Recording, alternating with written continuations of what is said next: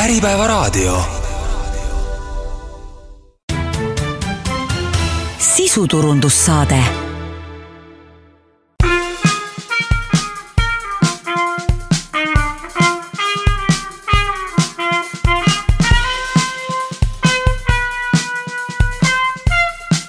Soraineni sagedus, mitu arvamust, üks eesmärk. Eh, tere tulemast kuulama Soreneni sageduse uut osa. Eh, mina olen Maarjo Sõrm, eh, täna üksi ja minu külaliseks on Norman Aas, Soreneni uus partner. tere, Norman! tere! ma lugesin ja paljud teised ka kindlasti lugesid mõni nädal tagasi sellist huvitavat pressiteadet, et et tsiteerin nüüd, et tuntud seadusemees Norman Aas sai Soreneni partneriks, et võib-olla sa lühidalt sissejuhatuses räägid, mida sa Sorenenis täpsemalt teed? no Soranenis ma teen äh, eelkõige advokaaditööd, kuna tegemist on advokaadibürooga, aga konkreetne töövaldkond seondub mul eelkõige sellise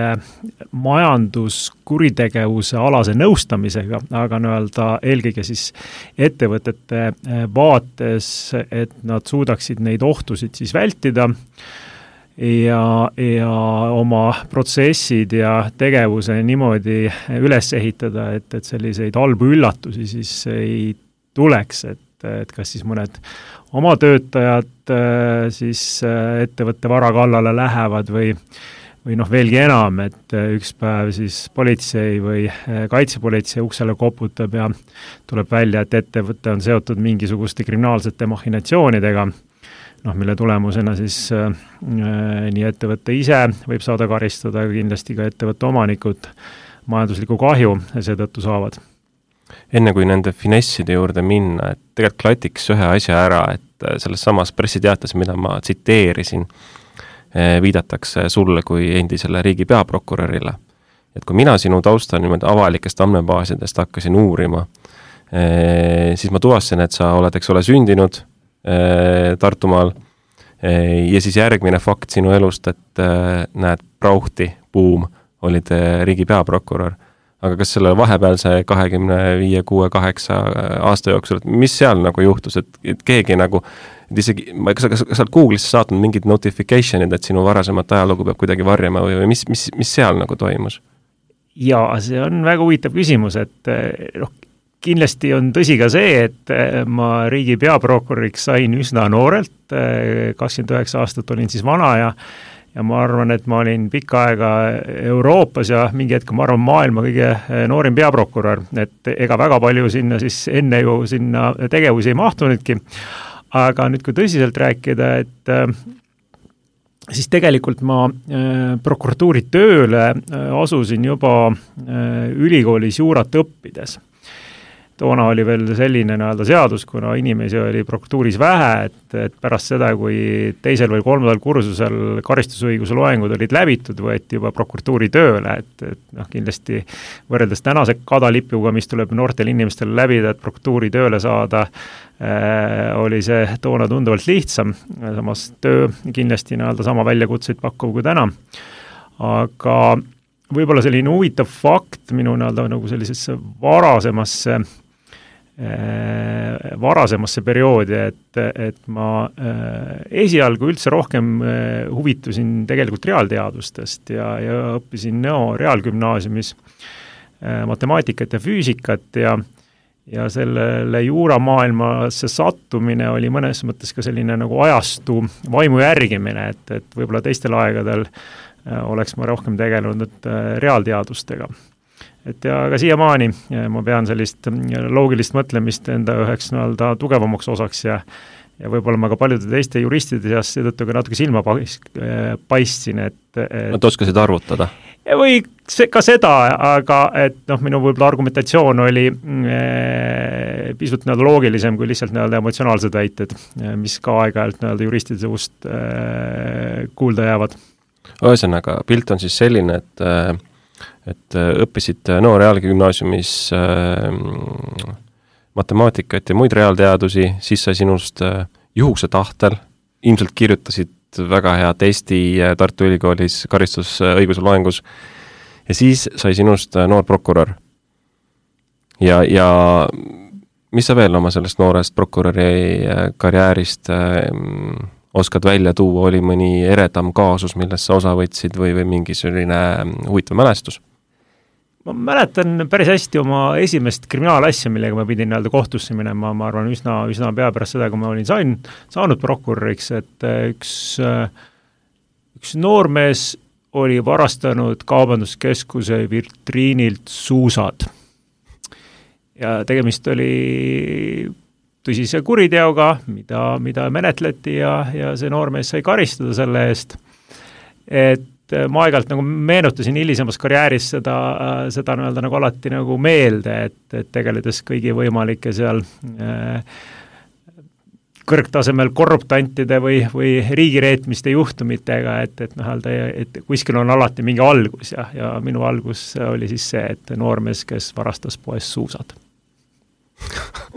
kuidas see siis lõppes kõik? ta tegelikult sai karistada, et, et noh, teises rakursis tagasi mõeldud, et äh, aasta oli siis äh, tuhat üheksasada üheksakümmend seitse ja toonane karistusõigus oli mõnes mõttes alaealiste suhtes isegi nagu rangem, et tänapäeval tõenäoliselt selline asi oleks lõppenud alaealiste komisjonis, et äh, toona ta ikkagi sai äh, ametlikult, kohtulikult karistada, et, et tänapäeva seadus on veidi paindlikum selles osas mm. -hmm ja, ja sealt siis mõne aastaga viis siis tee riigi peaprokuröriks? nojah, seal karjäär nii-öelda kulges üsna kiiresti, et ma pidasin piltlikult öeldes äh, vastu erinevatele ametikohtadele keskmiselt ühe aasta, siis tõusin juba järgmisele, kuni lõpuks siis maandusin riigi peaprokuröri kohale, kuhu ma jäin siis nagu kõige pikemaks, et, et et, kas siis olin jõudnud oma nii-öelda ebakompetentsuse tasemele või polnud kuskile nagu edasi minna, et aga tõesti siis peaaegu kaks äh, viieaastast perioodi ma peaprokuröri ametis olin. aga kuidas see otsus tuli või miks see otsus tuli, et sealt minna edasi, kui ma õigesti mäletan, Justiitsministeeriumi kantsleriks? kindlasti oli, üks põhjus oli see, et äh, teine ametiaeg hakkas lõppema mul just ja kuigi mul oli prokuratuuris äh, noh, töötades väga hea tunne, et kolleegid olid väga hea ja, ja, ja mul mingit nagu äh, vajadust otseselt ära minna sealt ei oleks olnud, et, et ma siiski nagu tundsin, et, et noh, on aeg, et, et on aeg ise edasi areneda, on aeg lasta organisatsioonil võib-olla teiste juhtide all edasi areneda, et, et see oli see nagu põhjus ja, aga mul siiamaani on prokuratuurist äh, ainult nii-öelda sellised väga head mälestused, et, äh, et äh, aga see on kindlasti nii-öelda üks põnev ja oluline etapp minu elus, aga see on nüüd läbi. Aga kas, jäin selle vastuse puhul mõtlema seda, et, et et kui inimene on juba kord saanud riigiprokuröriks, tal on siis maksimaalselt, eks ole, kaks ametiaega seadusega tõenäoliselt ette nähtud, et, et kuhu tavaliselt need nii-öelda oma tähtaja ületanud nii-öelda riigiprokurörid edasi siis lähevad? Eks see on teema terves Euroopas, et jälle mõnes mõttes võib öelda, et Eesti on äh, veel üsna noor ja, ja ega see praktika nii-öelda tekib igas riigis selliste konkreetsete näidete varal, et ka siin Euroopa Nõukogu on tegelikult soovitanud, et, et ametist lahkuv peaprokurör, et noh, seal peaks olema selline väike nagu cool-off periood, enne näiteks, kui ta erasektorisse läheb või poliitikasse läheb, äh, samas üsna paljudel juhtudel näiteks minnakse edasi kohtunikeks kõrgemasse riigikohtusse, et neid näiteid Euroopast on ka päris palju, või siis pakutakse mõnda teist sellist äh, mõnes mõttes ka kuldseteks käeraudadeks nii-öelda nimetatud ametikohta mõnes teises riigiteenistuses, et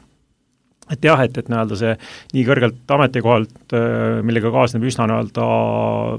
aukartust äratav pagas informatsiooni, nii-öelda selline lahkumine on kindlasti iga riigi jaoks nagu küsimus, et kuidas seda kõige nii-öelda palutumalt mõlemale poolele äh, teha, et, et kindlasti äh, peaprokurör või ükskõik mis teine iganes tähtis ametikandja nii-öelda lahkub ametist solvudes riigi peale, et ega noh, see ei ole kummagi jaoks hea tulemus.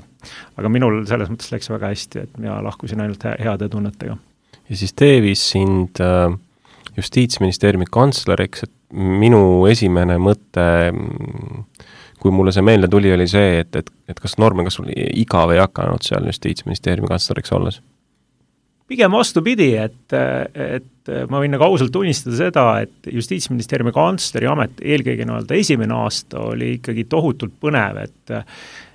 et jälle võrreldes näiteks prokuratuuriga, et kindlasti väga oluline ja, ja tähtis amet, aga, aga ta mõnes mõttes tema selline nagu äh, maailmavaade on hästi kitsas, läbi kriminaalmenetluse, läbi selliste erinevate kuritegevuse prisma ainult, et äh, kantsleri laual oli järsku nii-öelda nagu kogu riik erinevates tahkudes, erinevate äh, selliste nüansside alt, et kindlasti minu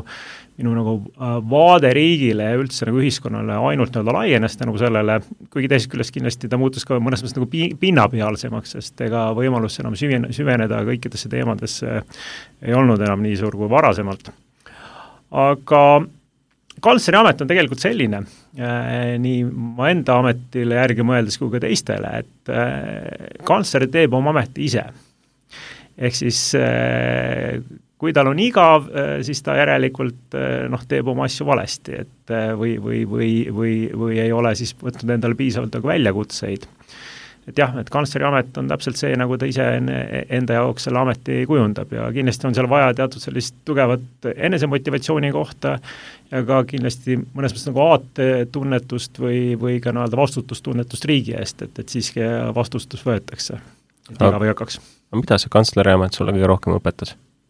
Nagu ma juba ütlesin, et ta tegelikult äh, nii-öelda laiendas kindlasti äh, minu nagu perspektiivi nägemas asju ka teiste nurkade alt, kui ainult läbi sellise kriminaalmenetluse nagu probleemide prisma, et, et ma vahest olen ka nalja teinud, et, et noh, eks see paratamatult, et eh, kui sa oled nagu ehitaja või kui sul on haamer, sa hakkad igat asjast nii-öelda nagu naela nägema, et, et ka prokuratuuris võib-olla eh, töötades mingi hetk nagu tekkis tunne, et iga probleemi lahenduseks on eh, kriminaalmenetlus või asja kuriteoks kuulutamine, et, et nüüd ma kindlasti nagu seda enam nagu nii ei näe ja kriminaalmenetlus on ikkagi väga nagu selline kõige teravam mõõk riigi käes, aga noh, selle kasutamisega tuleb olla ka nagu ettevaatlik, et pigem nagu skalpelliga ringi käia, mitte nii-öelda mõõgaga lihtsalt nii-öelda rapsida mm. -hmm. enne kui äh, minna su karjääriredelil äh, edasi, ma lugesin huvitavat äh, väidet su kohta, et sa oled tegelenud alpinismiga. et vastab see tõele ja, ja kus sa käinud oled ja, ja kas sa veel tegeled? jah, see on tegelikult tõsi, et äh, sealsamas Nõo äh, Reaalgümnaasiumis äh, ma nagu sidusin ennast äh, alpinismiga ja ka mägimatkatehnikaga ja ütleme, kui, kui paljud võib-olla peavad jah, nii-öelda kõrgemaks tipuks, mida ma seni olen saavutanud äh, riigi peaprokuröri ametit, et siis tegelikult ise ma pean hoopis selleks äh, Šveitsis asuvat äh,, Šveitsi alpides asuvat mäge, mille nimi on Matterhorn ja, ja, ja, ja vähemalt mingites arvestustes äh, ma kuulusin nii-öelda esimesse eestlaste delegatsiooni, kes selle tipu vallutasid äh, seal üheksakümnenda aastate alguses. et, et, et see kindlasti on, on oluline nii-öelda nagu verstapost meil elus, et ma just paar aastat tagasi käisin uuesti Šveitsis äh, seal mäe all ka vaatamas ja mõtlesin, et, et ära vist enam sinna üles küll ei roniks. aga millal viimati mõne mäe valutasid? Ega tegelikult ma väga palju viimastel aastatel mägedes ei olegi käinud, vähemalt niimoodi kassid jalas ja köied seljas, et, et täna ma pigem äh, olen selline mäest suusataja, äh, mäest alla suusataja, mitte sinna enam ronija. tegelikult äh, see oli ka üks väheseid selliseid tööväliseid seikasid, mida, mida sinu kohta üldse nagu teada,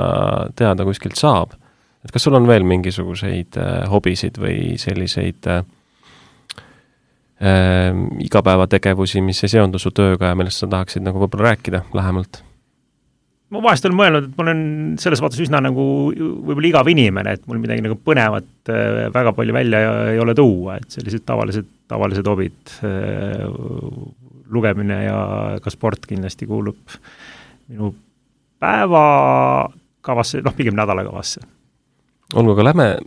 lähme nüüd siis karjääriredelile tagasi, et äh, mingi hetk siis sa lahkusid Justiitsministeeriumi kantsleri ametipostilt ja kuidas see üleminek äh, või tulek Soreneni siis teoks sai ja miks? eks seal oli laastus kaks põhjust, et, et oli võib-olla sisemine soov edasi liikuda ja oli ka siis õigel ajal äh, tehtud ettepanek või kutse. üks põhjus, miks siin, mis siin kindlasti oli, oli ju see, et ma olin juba sellel hetkel tegelikult nii-öelda nelikümmend pluss aastat vana, töötanud kakskümmend aastat avalikus sektoris ja, ja siis ma nagu mingi hetk nagu tundsin, et okei okay,, et noh, nüüd on see keskpaik nii-öelda nagu elu mõttes ja ka karjääri mõttes, et, et kui ma tahan tegelikult midagi nagu muuta, et, et siis oleks kõige õigem aeg. et, et jõuab nii-öelda teise karjääri, kus iganes nii-öelda ka veel üles ehitada eh, loodetavasti, et, et, et see oli nii-öelda natuke nii-öelda selline kell, mis natuke tiksus, et, et kui sa tahad seda teha, et siis on nagu õige aeg, ja teine põhjus oli ikka ka see, et, et ma mingil määral ikkagi tahtsin ennast ka erasektoris nagu proovile panna või nagu näha seda nagu maailma, et, et, et kogu elu avalikus sektoris veetes küll tehes võib-olla tähtsaid asju ja olles võib-olla väliselt tähtsatel ametikohtadel Äh, ikkagi tundus, et jääb, jääb veidi kitsaks ja, ja sellest nii-öelda see sisemine soov tekkis ja ja kuidagi äh, Soranen selle ettepaneku väga õigel ajal ka mulle tegi, et Gary Ginteri näol, et, et kuidagi juhuslikult see vestlus tekkis ja ja, ja noh, äh, lõppkokkuvõttes ega minu ärarääkimine ka nüüd väga lihtne ei olnud, et lõpuks ma mäletan, et me Gary'ga läksime kuskile metsa jooksma ja hiljem olen nagu välja teinud, et ta kaksteist kilomeetrit äh, äh, ajas mind taga, enne kui ta mind kätte sai ja ma oma nõusoleku andsin. see kõlab hea, vahva sündmus, ka mina olen Gary Interiga käinud äh, jooksmas, aga küll kahjuks mitte nii pikalt, ilmselt siis tuli, tuli lihtsamalt. Aga kuidas Sorenenis töötades su maailmapilt või, või vaade Äh, näiteks nii kriminaalmenetlusele, karistusõigusele, õigusele laiemalt, kas ja kuidas ta on üldse muutunud nüüd? Ma alustaks võib-olla sellest, et mis on minu siis see võib-olla siis juba täna kolme ja rohkem aasta kogemus, et kuidas võrrelda erasektorit ja avalikku sektorit, et kindlasti seal on nagu erinevusi. Ja, ja võib-olla nüüd ma saan ka äh, ettevõtjate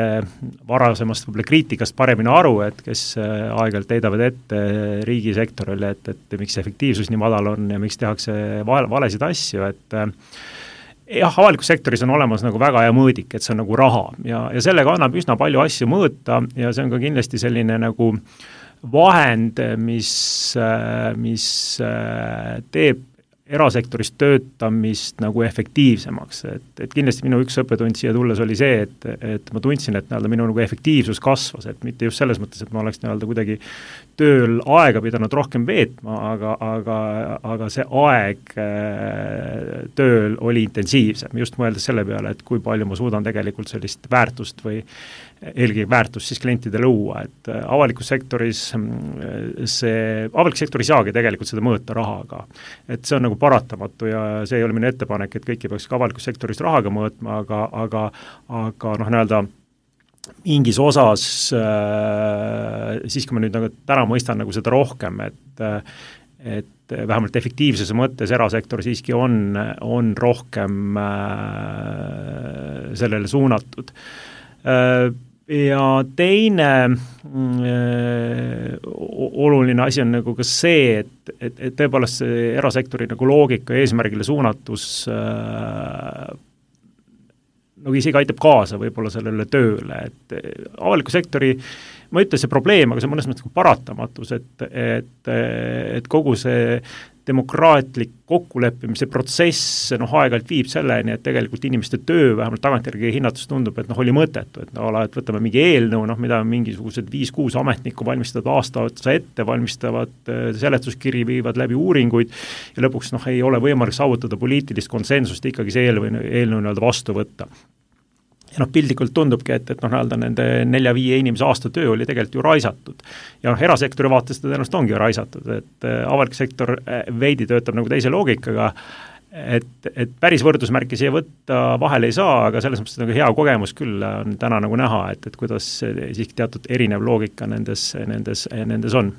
tead, kui mina pikaaegse kunagise õigusloomeametnikuna ütleks, et kui kui neli-viis inimest tegid äh, aastakese eelnõuga tööd ja see pärast läks sahtlisse, siis arvestades seda, kuidas avalikus sektoris ikkagi mõtted ja ideed korduvad aastate jooksul, siis küllap ta võeti soodsama poliitilise kliima ajal sealt sahtlist välja ja ta läks tegelikult käiku. jah, eks see vastab nagu tõele, et, et ka nii saab aga, aga jah, kindlasti minu mõte oligi see, et, et kui võib-olla erasektori kaanonite järgi oleks lihtsalt raisatud raha ja kahjum, siis jah, avalikus sektoris tõenäoliselt nagu sellele asjale niimoodi läheneda ei saa. et, et, et seesama nii-öelda demokraatlik kokkuleppimise protsess on väärtus omaette ja, ja ja mingis mõttes aeg-ajalt tulebki sellele veidi peale maksta. teine asi, mis siia erasektorisse tulles kindlasti ka veidi nii-öelda mu, nagu vaadet muutis ja tulles nüüd konkreetsemalt selle valdkonna juurde, eh, millega ma täna tegelen, needsamad ettevõtted, nende probleemid ja, ja, ja, ja ja kuidas neid nagu lahendada, et et mõnes mõttes äh, ma tunnen, et advokaadina minu nagu tööriistakast on isegi suurem näiteks kui omal ajal prokuratuuris prokurörina et jälle siia tagasi tulles, et kriminaalmenetlus on kindlasti selline võib-olla teravam ja, ja, ja, ja, ja võimsam relv riigi käes eh, mingi probleemi nagu lahendamiseks, aga aga äh, advokaadina on tegelikult neid võimalikke lahendusteid veel rohkem, et, et on võimalik kombineerida erinevaid ennetusmeetmeid, on võimalik kombineerida seal tsiviilkohtumenetlust erinevate kriminaalmenetlustega ja, ja äh, mõnes mõttes see selline äh, taktikaline oskus erinevaid võimalusi kombineerides äh, saavutada äh, selline hea tulemus äh, kliendi või ettevõtte jaoks, et et see on kindlasti olnud ka üks selline ahaa-moment siin advokaaditöös, et, et mingil määral need võimalused on isegi suuremad. ja teine pool äh, sageli on nagu küsitud, et, et millegipärast, et no kuidas nüüd on, et, et ma olen nagu teisel pool, et kunagi olin prokurör, nüüd olen nagu advokaat, et mina ise ausalt öeldes ei tunne seda, et õnneks ka enamik teemasid, millega ma tegelen, on pigem ikkagi ka mõnes mõttes füüsiliselt me oleme prokuröriga näiteks kriminaalmenetluses kohtus samal pool äh, kohtusaali, et esindades kannatanuid, et et raadiokuulajatele teadmiseks, et nii-öelda kohtusaalis tavaliselt prokurör ja kannatanu esindaja istuvad ühel pool ja süüdistatav ja siis tema kaitsja nii-öelda teisel pool ma korra küsin vahele, kas sa inertsist kogemata kohtusaalis valele poole ei ole läinud? ei, et äh, seda, seda mitte aga, aga tulles nüüd tagasi selle,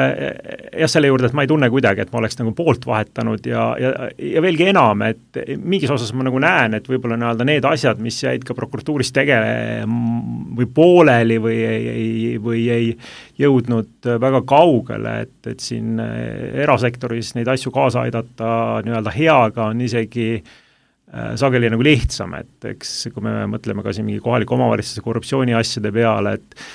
et jälle, et kriminaalmenetlus on väga nii-öelda selline nagu võimas relv, aga, aga äh, sellega kaasneb alati see, et, et sinna tekib teatud nagu vastu, vastujõud kohe vastu, et et kõik need menetlusele, äh, menetlusele nii-öelda allutatud isikud, et noh, kuna nende jaoks on personaalselt nagu nii palju mängus, et et, et et, et nad leiavad kõikvõimalikke vabandusi ja õigustusi, et et, et midagi nagu valesti ei ole läinud, samas kui sellise nii-öelda nõustamise, ennetamistegevuse kaudu on sageli isegi lihtsam neid nii-öelda õigesse paati saada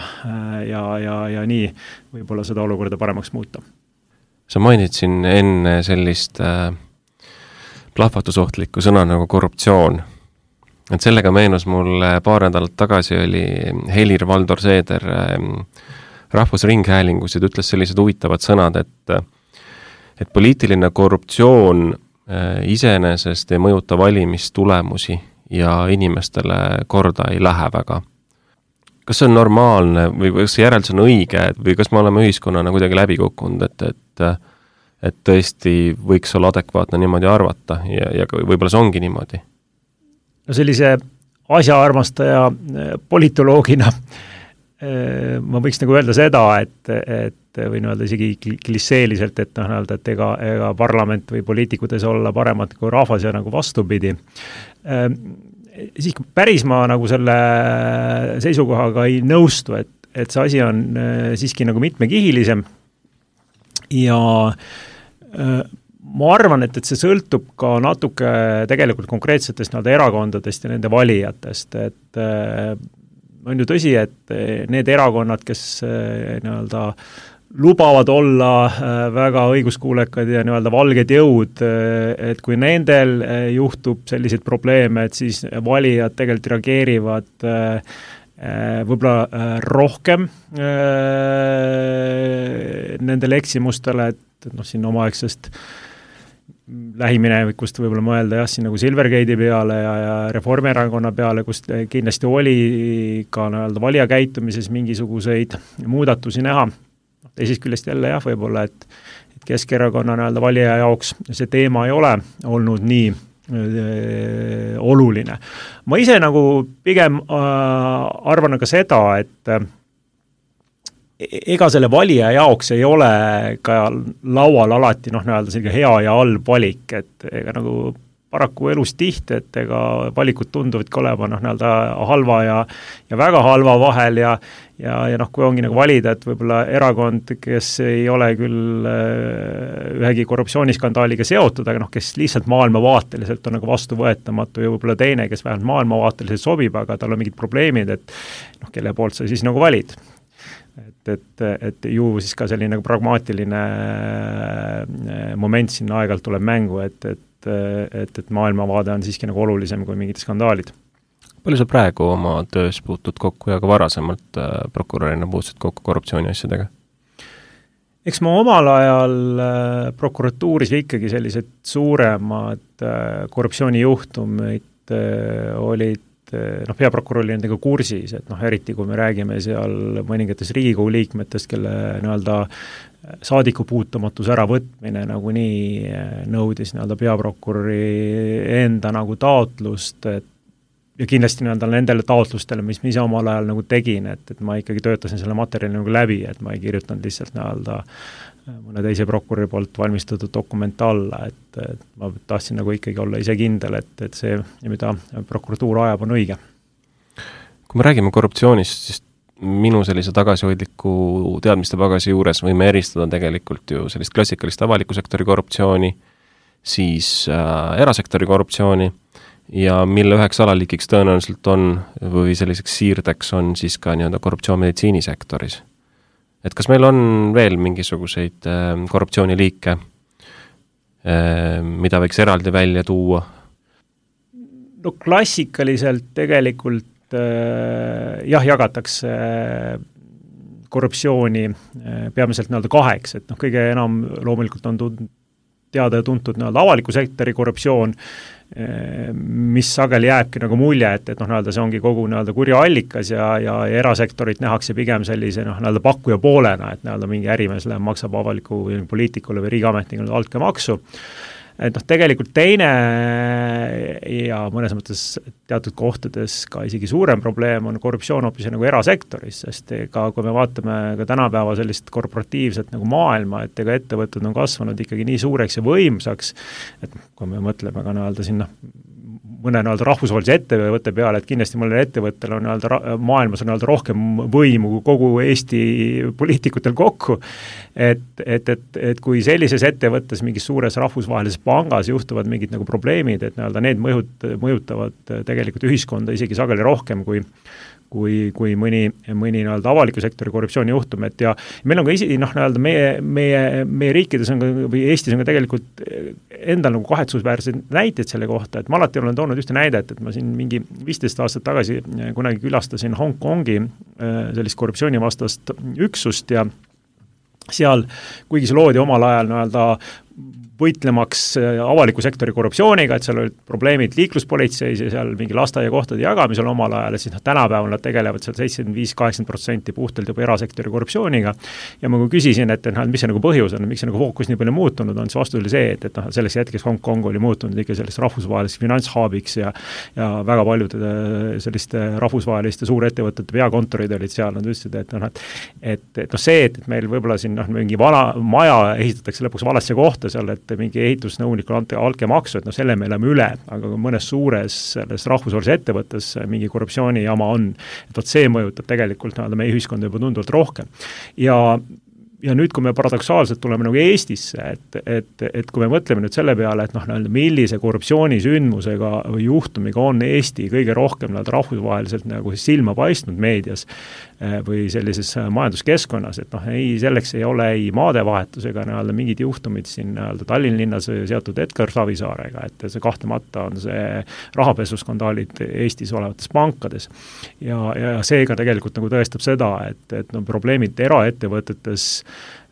võivad tegelikult mõjutada mitte ainult konkreetseid nii-öelda aktsionäre, vaid noh, tegelikult ühiskonda hoopis laiemalt. aga oskad sa välja tuua kuulajatele ka selgema pildi loomiseks, milles erasektori korruptsioon võiks üldse seisneda?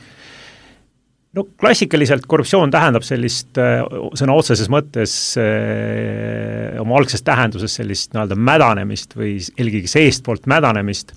ja, ja, ja erasektori korruptsioon äh, tegelikult ongi seotud samade nähtustega, et äh, ettevõtte töötajad omakasu ajendil hakkavad tegelikult siis äh, kuritarvitama oma positsiooni selles ettevõttes, et noh, võtame kas sellesama nii-öelda võib-olla Danske palga, panga näite, et, et mis siin äh, vähemalt ajakirjanduses äh, välja käidud kahtlused nagu viitavad, et teatud hulk nii-öelda pangatöötajad noh, nii-öelda isiklikul eesmärgil rikastudes tegelikult vilistasid seal rahapesualastele reeglitele ja noh, võimaldades tegelikult sellega siis kurjategijatel nii-öelda raha pesta ja, ja, ja, ja nii edasi, et või noh, nii-öelda teised näited, kuidas tegelikult ettevõtte juhtkond nii-öelda kahjustab ettevõtet ja, ja aktsionärid seetõttu nii-öelda kahju kannatavad. et noh, kõige kui nüüd tulles nii-öelda nagu Eesti juurde eh, tagasi või vaadates Eesti majandus eh, sellist kliimat ja olukorda, et et siis tuleb tõdeda ka seda, et ega need erasektori korruptsiooni teemad kasvavad tegelikult ettevõtete kasvades või suuruse, suuremaks muutumisele, et, et noh, niikaua, kui piltlikult öeldes ettevõtte ainuomanik on ka ettevõtte juhatuse liige ja noh, tal on seal tööl kaks-kolm inimest, ega siis nii-öelda puht reaalsed võimalused, et, et see ettevõtte juht hakkab piltlikult öeldes iseenda tagant varastama sellest ettevõttest, on äh,, ei ole väga suured. see meenutab mulle ühte lugu, mida üks tuttav rääkis, ta oli baariomanik ja siis ta rääkis enda versiooni erasektori korruptsioonist, et ta põhimõtteliselt peab kogu aeg baaris kohal olema, muidu äh, baaritöötajad hakkavad müüma siis omaenda alkoholi ja ei löö neid äh,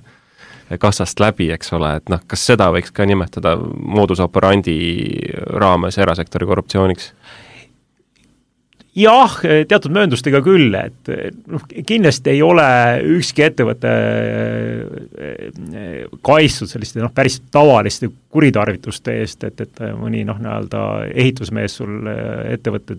nii-öelda tööriistadega koju läheb või või, või, või noh, veelgi enam, et eh, samas kui ma vaatan nagu enda töövaldkonda, et siis me ikkagi nagu püüame nagu rihtida nagu juba neid probleeme, kus need kahjud äh, on suuremad ja see tegevus nii-öelda varjatum, et võtame jälle piltlikult sellesama ehitusmehe ja tema tööriista nii-öelda näite, et ega noh, nii-öelda järgmisel päeval tegelikult nii-öelda objektijuht saab aru, et tööriista ei ole, kus see kadus, on võimalik hakata uurima, on ju, ja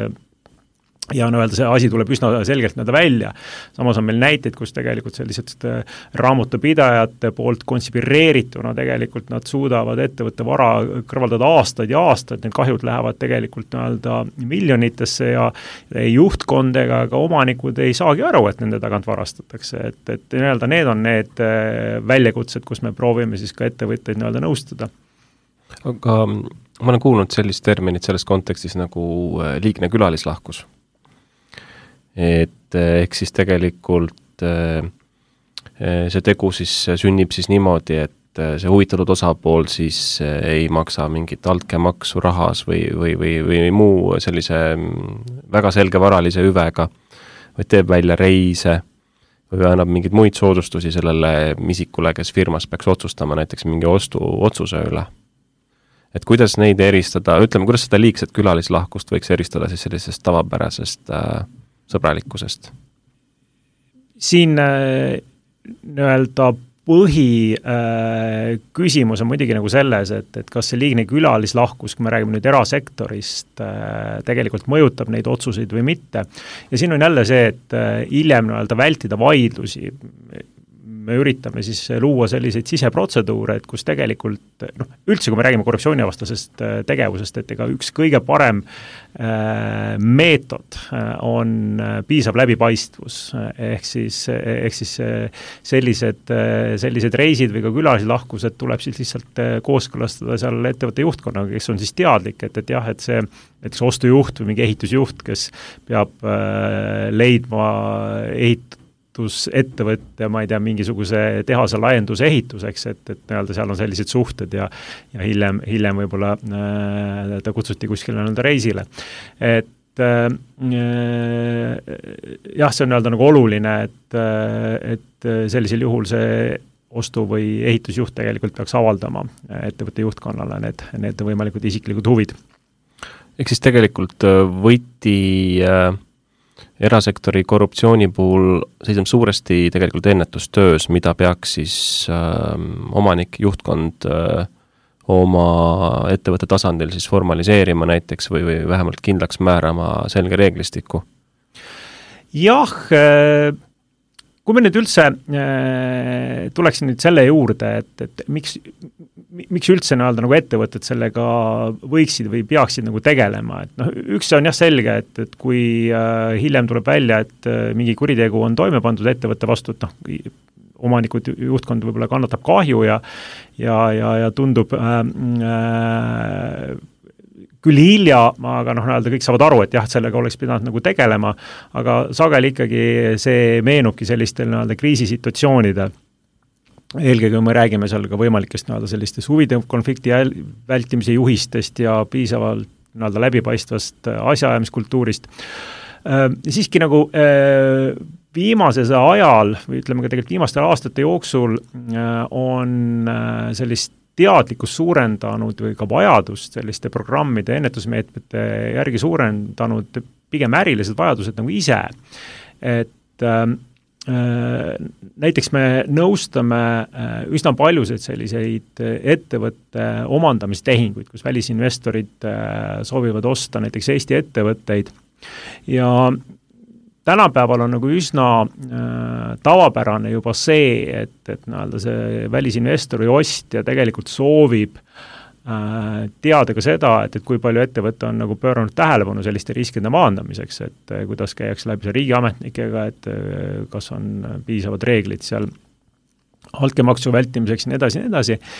ja, ja me oleme läbi viinud ka vastavaid selliseid äh, analüüse äh, nende ostjate nii-öelda ülesannetel ja, ja kaardistanud neid probleeme ja noh, järeldus on või noh, tulemus on ka see, et, et kui äh, ei ole olnud piisavalt neid äh, programme juurutatud, lihtsalt nii-öelda ettevõtte ostmise hind võib jääda väiksemaks. noh, teine, kus on jälle nii-öelda sellised väga selgelt sellise välisin, välisinvestori või sellise suurtarnija nii-öelda soovid või, või ka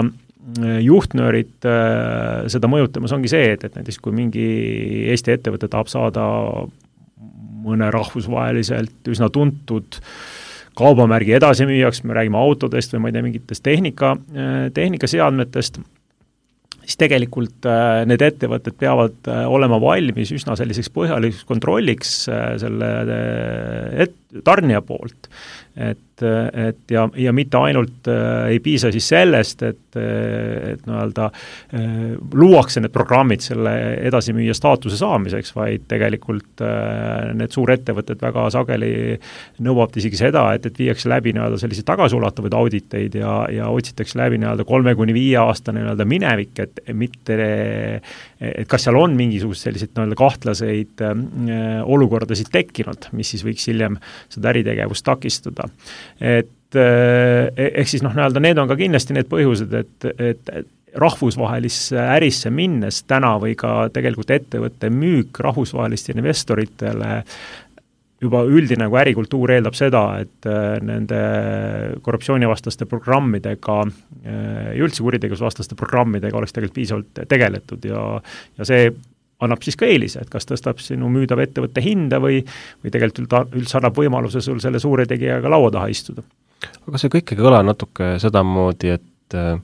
meie ettevõtluse huvi selliste meetmete jaoks tuleb ainult välisest survest? et kus see meie sisemine tahe siis nagu jääb selliseid asju ise kehtestada ilma selleta, et meil oleks mingi magus tehing tulekul?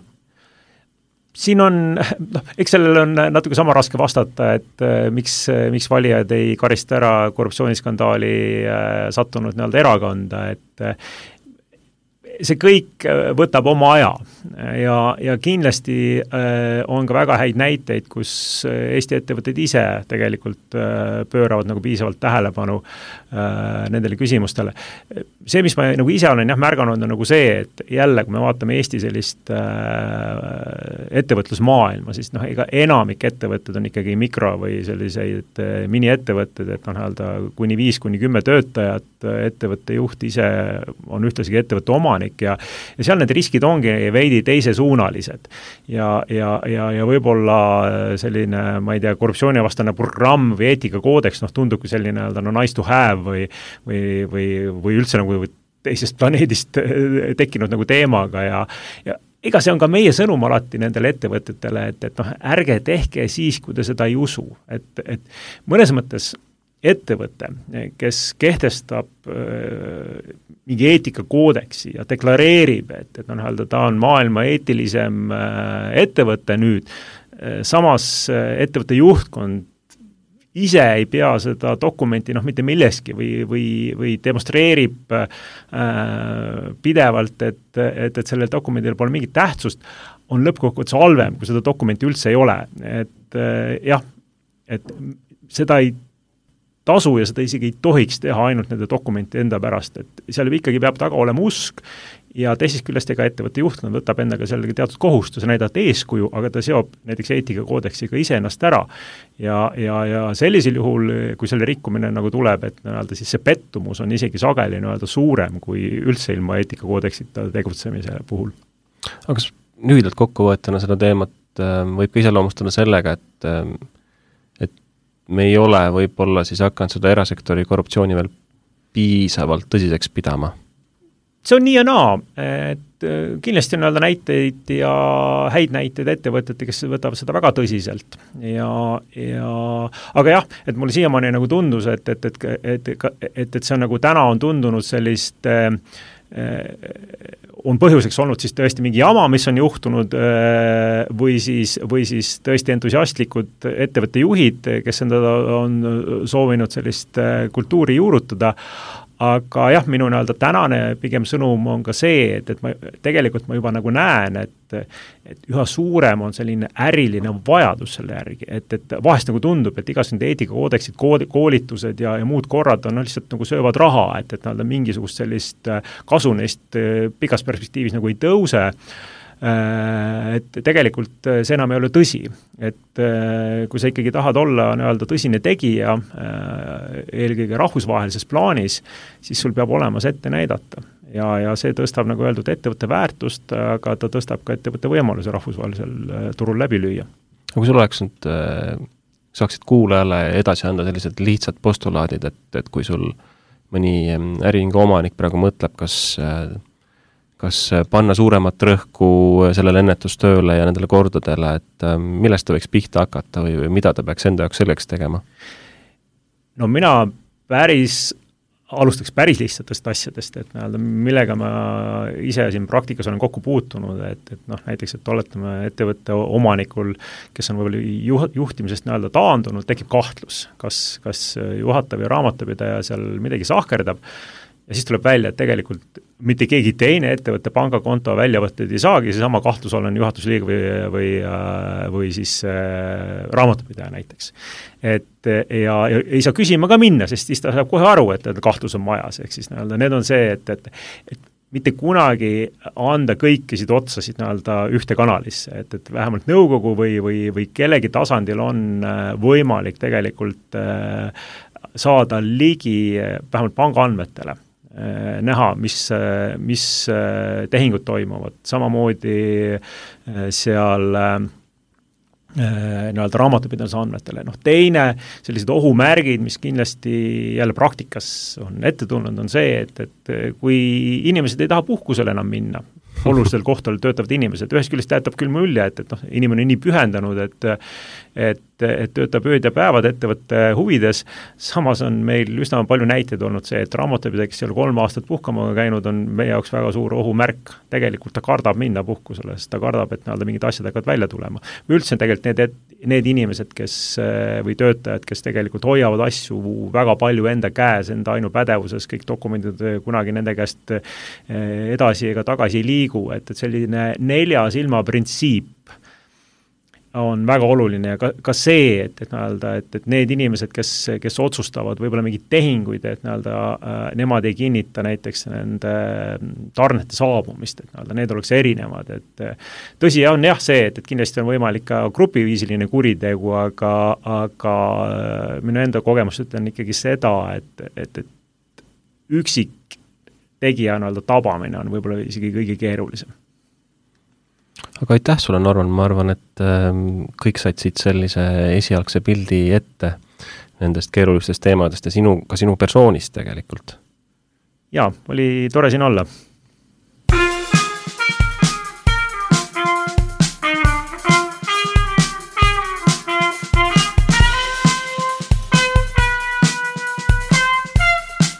Soraineni sagedus, mitu arvamust, üks eesmärk